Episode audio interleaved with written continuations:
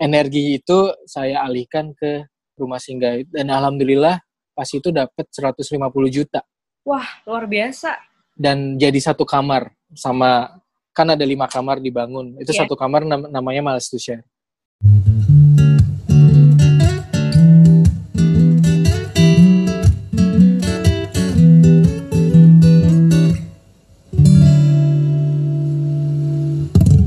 Relatif Perspektif Podcast adalah podcast yang bertujuan menjadi jembatan agar masyarakat luas paham akan isu kesehatan. Visi kami supaya kesehatan tidak lagi eksklusif hanya dibicarakan mereka yang menggeluti profesi sebagai tenaga medis saja.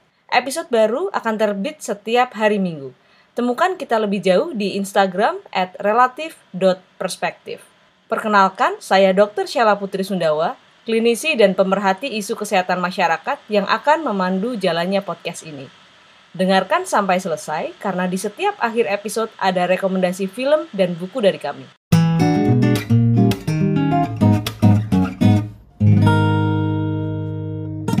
Akhirnya Mas sudah menjalani pengobatan, akhirnya sudah berhasil kembali lagi beraktivitas gitu. Uh, tapi dengan Mas tahu adanya kemungkinan untuk sakit lagi. Ada angka aduh jangan-jangan nanti saya sakit lagi. Ada nggak sih yang membedakan dulu sebelum bener-bener sakit kayak bener-bener sehat nggak ada sakit apa-apa dengan sekarang hmm. yang aku harus lebih hati-hati nih. Aku harus uh, check up harus rutin. Ada nggak yang membedakan atau sama aja ada sih bedanya pastilah. Jadi matahari itu lebih terang gitu, pagi itu lebih oh, indah. Gitu ya? kayak kayak uh, menurutku sih itu tergantung mindset juga. Tapi uh, mindsetnya nature tuh kayak orang yang udah ngelewatin uh, kanker kayak penyintas-penyintas ya. Saya juga jadi uh, kenal banyak penyintas itu lebih menghargai hidup sih ya. Kayak kayak kita habis kecelakaan deh, nggak usah kanker okay. juga ya, kecelakaan atau sakit berat terus sembuh pasti pasti ada ada sisi bahwa gila nih udah dikasih kesempatan hidup lagi gitu. Udah lebih beres gitu. Dan salah satunya saya bikin Miles to Share itu uh, karena saya ada satu background bahwa saya ngerasa utang sama society gitu. Ya nggak sih? Okay. kayak kayak beruntung banget gak sih saya kayak aku masih muda oke okay, dikasih ganjaran diagnosis kayak gini tapi itu kebetulan keluarga mendukung finansial nggak ada problem pemahaman soal penyakit juga saya nggak nggak harus yeah. pusing banget terus mau operasi kan kadang-kadang orang ada obstacles itu kan kayak yeah. mau operasi nggak ya operasi nggak ya gitu kan kadang-kadang atau keluarga ada yang ngelarang ada yang gitu itu kan sebuah hal yang uh, saya udah skip juga terus abis itu saya juga kebetulan di Jepang mungkin kalau di Indonesia beda cerita mungkin saya jual rumah lah apalah gitu kan BPJS kan nggak nanggung di yeah, sini betul. dengan BPJS Jepang yang udah established mungkin 50 tahun lebih ya di Indonesia kan mungkin baru uh, sistem jaminan kesehatan nggak ada 10 tahun gitu. Mungkin mm -hmm. sangat beda itu. Jadi yang tadi membedakan sistem ya sebenarnya. Jadi bukan bukan ilmunya orangnya atau apanya nggak. Ya lompat lagi ke situ. Terus jadinya saya bikin lah karena utang itu utang utangnya gimana maksudnya? Ke orang-orang yang nggak beruntung gitu. Saya mikir gitu. Saya saya nggak kenal sih sama mereka. Tapi di Indonesia kan faktanya nggak nggak semua beruntung malah yang beruntung kayak saya itu cuma dikit banget kan minoritas hmm. jadi eh, secara dilihat dari prevalensi kanker di Indonesia kan uh, dengan populasi yang banyak kanker juga pasti banyak dong setahun bisa 500 ribu gitu yang iya. terdiagnosis yeah. kanker baru itu kan nggak uh, misalnya soal kanker anak di mungkin data di Indonesia juga se, ini ya rada tricky ya maksudnya uh, belum terlalu ada belum, tapi ya belum terrecord ya, ya kalau kanker anak itu data dari WHO di IRC itu adalah kanker pada anak itu di negara dengan klasifikasi middle income sama low lower middle income itu 80% meninggal gitu. Padahal di high income country itu 90% survive sampai dewasa. Itu kan sebuah fakta yang uh, iya maksudnya selisihnya bukan signifikan lagi tapi sangat sangat sangat kontra gitu itu itu kenyataannya di Indonesia jadi saya pengen mendedikasikan diri saya sih untuk sesuatu di Indonesia yang bukan hanya seremonial bukan hanya istilahnya syukuran makan-makan selesai gitu bersyukurnya ya. tapi mau continuous gitu gimana pas itu saya rada nekat daftar lari oke okay. jadi sembuh tuh yes uh, istilahnya itu kan operasi terakhir uh, keluar dari rumah sakit Januari 2018. Oke, okay. akhirnya hmm. lari itu kapan? November 2018. Oke, okay, di tahun yang sama. 11 bulan, di tahun yang sama. itu saya nggak nanggung-nanggung sih. Jadi pas itu ada conference di Indonesia, conference Buddha Saraf. Uh, saya udah tiga tahun nggak pulang kan, istilahnya yeah. habis sakit juga belum pulang ke Indonesia. Pas itu kok lihat-lihat jadwal, eh ada Borobudur Marathon kebetulan. Terus daftar lah. Daftarnya uh, 42 kilo, jadi oh. saya nggak nanggung-nanggung. ada latihannya dulu apa? Iya latihan lah gila. Tapi nggak maksud saya gini, itu kan uh, operasinya berat ya. Uh, operasi yeah. Jadi, paru hmm. lah, uh, punggung lah, uh, kemudian pasang selang di mana-mana. Pasang pen juga apa namanya? Pasang pen juga. saya lima lima level di uh, apa namanya? Tiga level diangkat, terus dipasang uh, screw, dipasang stabilitator pakai titanium gitu deh. Okay. Lima level. Uh, apa yang membedakan lari dengan pen dan waktu biasa aja?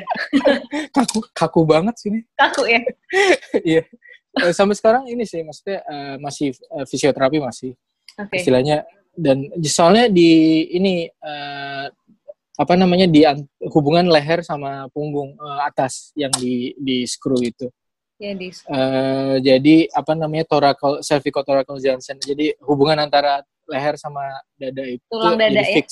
Hmm, yeah. Jadi fix.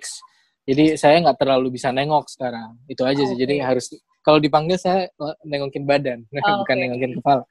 Terus ya, jadi pas itu saya make make kayak Iron Man gitu, make kayak penyangga sampai bulan Maret. Itu okay. saya bulan Maret masih make penyangga itu Borobudur Marathon pembukaan.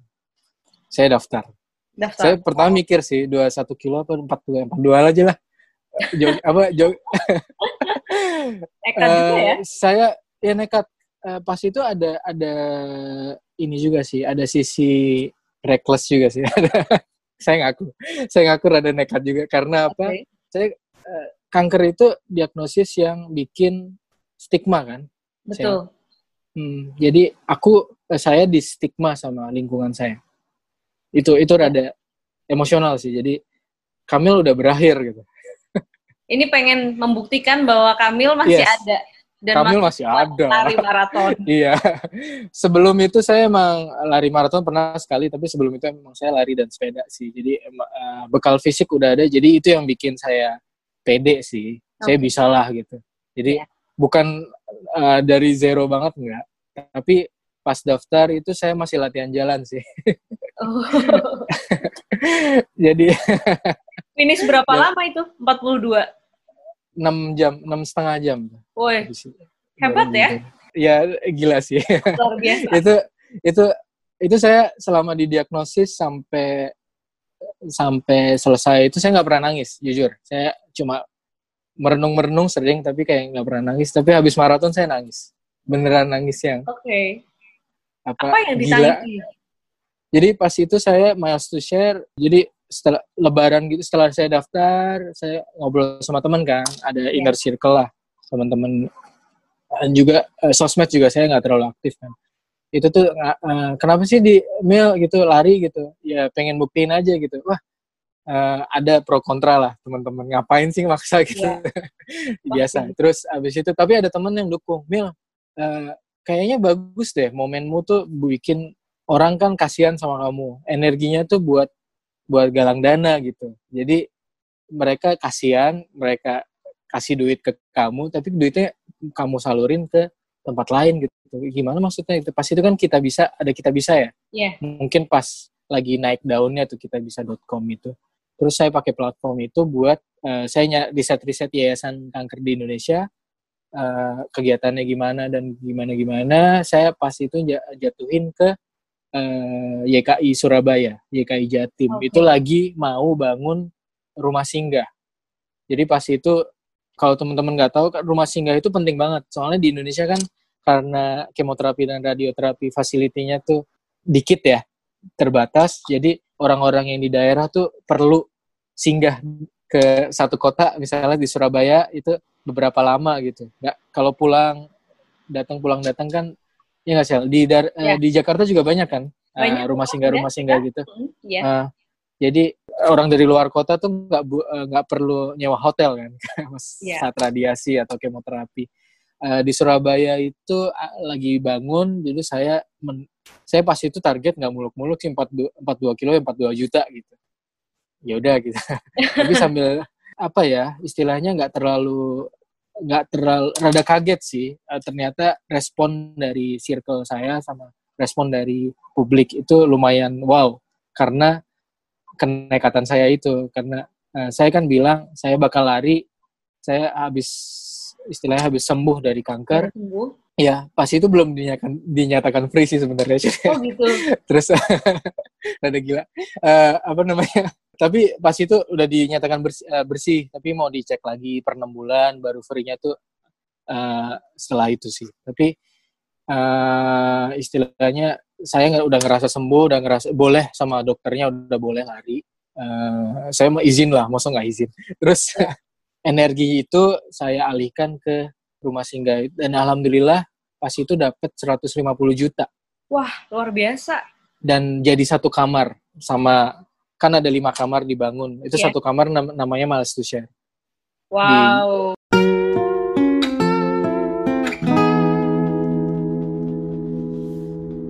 saya pas itu nangisnya karena itu sih karena eh, apa namanya membuktikan lah bahwa kanker tuh no meaning lah gitu istilahnya. ya buat Nah, sebenarnya ya mungkin eh, dia itu adalah sakit yang nggak mengambil kehidupan kita yang dulu yes ya. that's ya itu dia jadi biar kankernya sedih aja gitu kalau wah salah orang nih gitu dan saya jadi bantu kan di eh, yayasan kanker itu kan rumah singgah sangat dibutuhkan Ya. waiting listnya selalu ada gitu yang antri di situ jadi kalau saya udah ngasih itu alhamdulillah dap bisalah gitu terus akhirnya lanjut sel jadi Iya. eh, setelah jalan ini aku nggak apa-apa kan cerita gak ada beras terus nggak apa-apa ya nggak apa-apa lanjut aja. Jadi setelah 2018 bikin miles Eh, oke, oke. share yang pertama akhirnya eh, Iya, terus 2019 saya eh, kekumpul lah teman-teman. Gara-gara Borobudur Marathon itu saya bikin fundraising. Di Borobudur saya ketemu teman-teman yang ngedukung saya secara online. Itu bener-bener online. Jadi beberapa ada yang eh, di sosmednya aktif gitu kan. Misalnya anaknya Pak Deindro Warkop itu pas itu. oke. Ya, itu kan istrinya istrinya Bu, Bu Indro. Bu Indronya kan baru meninggal Oktober tuh. Saya November lari. Itu tuh ini banget sih, ngebus banget sih. Walau dengan meninggalnya itu ngasih semangat saya juga tapi di mereka juga ngedukung ini Mas to share gitu. Mereka juga ngedukung itu. Sorry, Bu Indra Eh. ini meninggal karena kanker ya?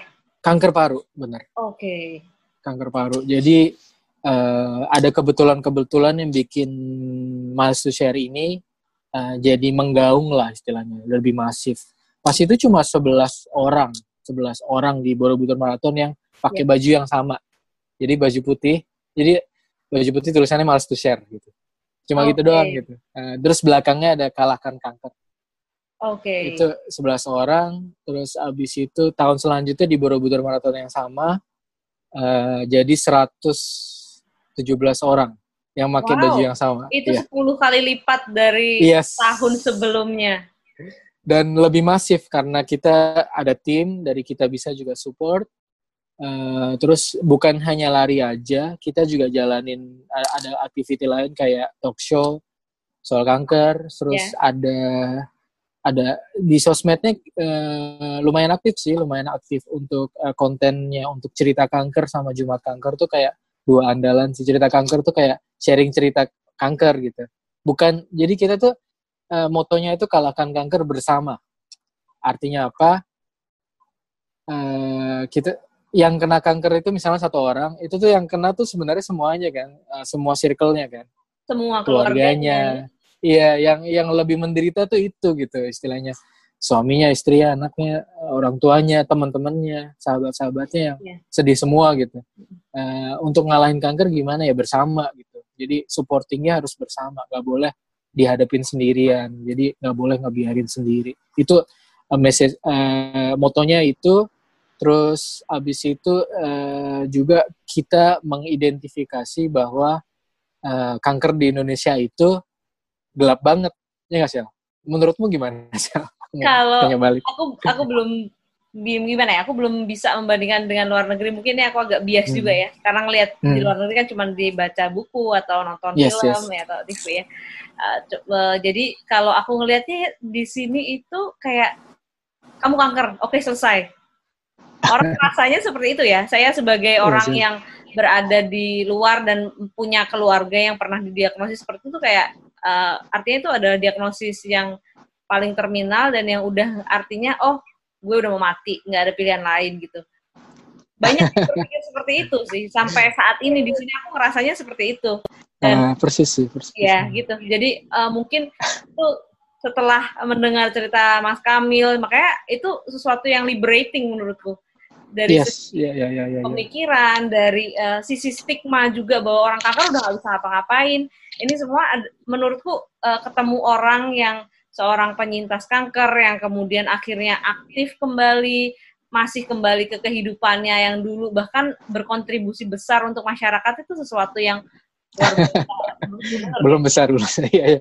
Uh, ya betul betul. Aku setuju banget ya uh, jadi mungkin aku juga mungkin masih bias ya di circleku sendiri uh, jadi sama uh, Hada anak Indro itu sama teman-teman yang lain juga kita identifikasi bahwa uh, sebenarnya ada gap soal informasi juga di soal kanker di Indonesia gitu. Ada mitos-mitos yang uh, kita harus secara kontinu uh, merangin itu gitu, mem memerangi itu. Bukan hanya seremonial. Kita kan di Indonesia sangat budaya ya. Misalnya Hari Kanker Dunia udah bulan Februari itu udah selesai gitu kan. Yeah. Dirayain lagi tahun depannya lagi gitu.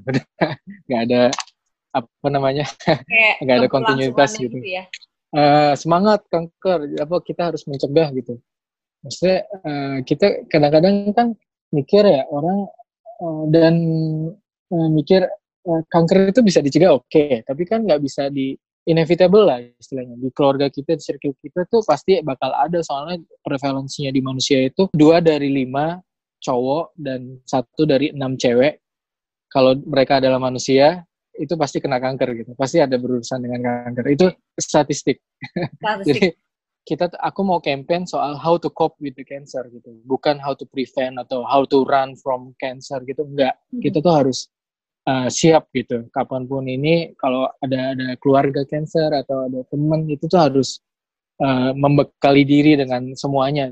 Bahkan teknis saja deh di Indonesia kan kalau ada teman cancer kita kita ke rumah sakit nangis-nangis ke dia gitu itu yeah. bukan bukan hal yang empatis sebenarnya itu malah bikin apaan sih gitu. tapi atau kadang-kadang uh, contohnya lagi bawa semua daun-daunan gitu kan ini okay. makan nih yeah. gitu kan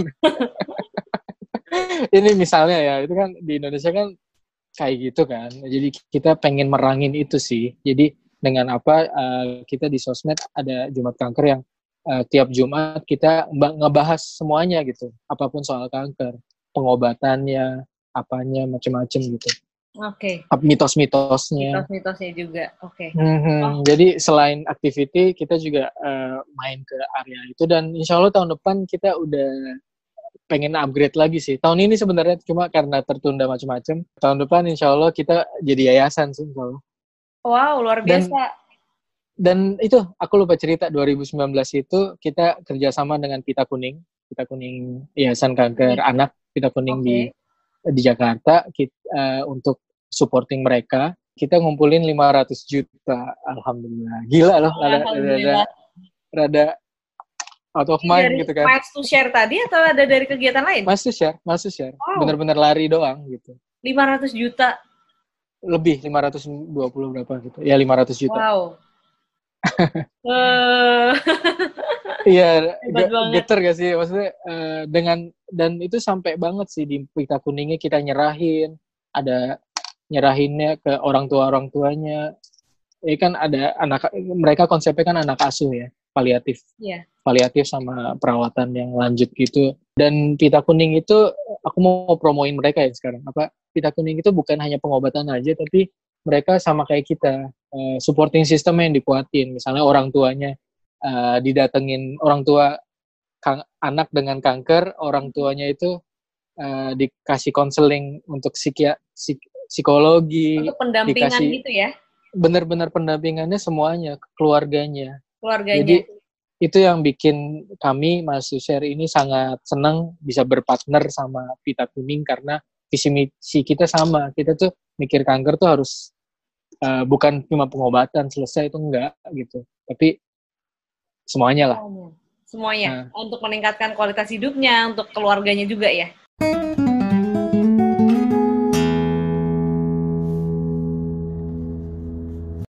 Oke, okay. uh, udah banyak banget yang kita obrolin dengan Mas Kamil hari ini. Saya belajar banyak tentang uh, bagaimana awal menjadi ya nggak um, kebayang tiba-tiba mendapatkan diagnosis yang seperti hmm. itu sampai harus menjalani perawatan yang luar biasa, operasi bolak-balik, sampai akhirnya terlahir kembali menjadi orang yang tercerahkan dengan berbagai uh, inisiasi kegiatan yang luar biasa memberikan manfaat untuk penyintas-penyintas kanker yang lain. Ini menurut saya patut diberikan contoh dan di applause untuk kita semua.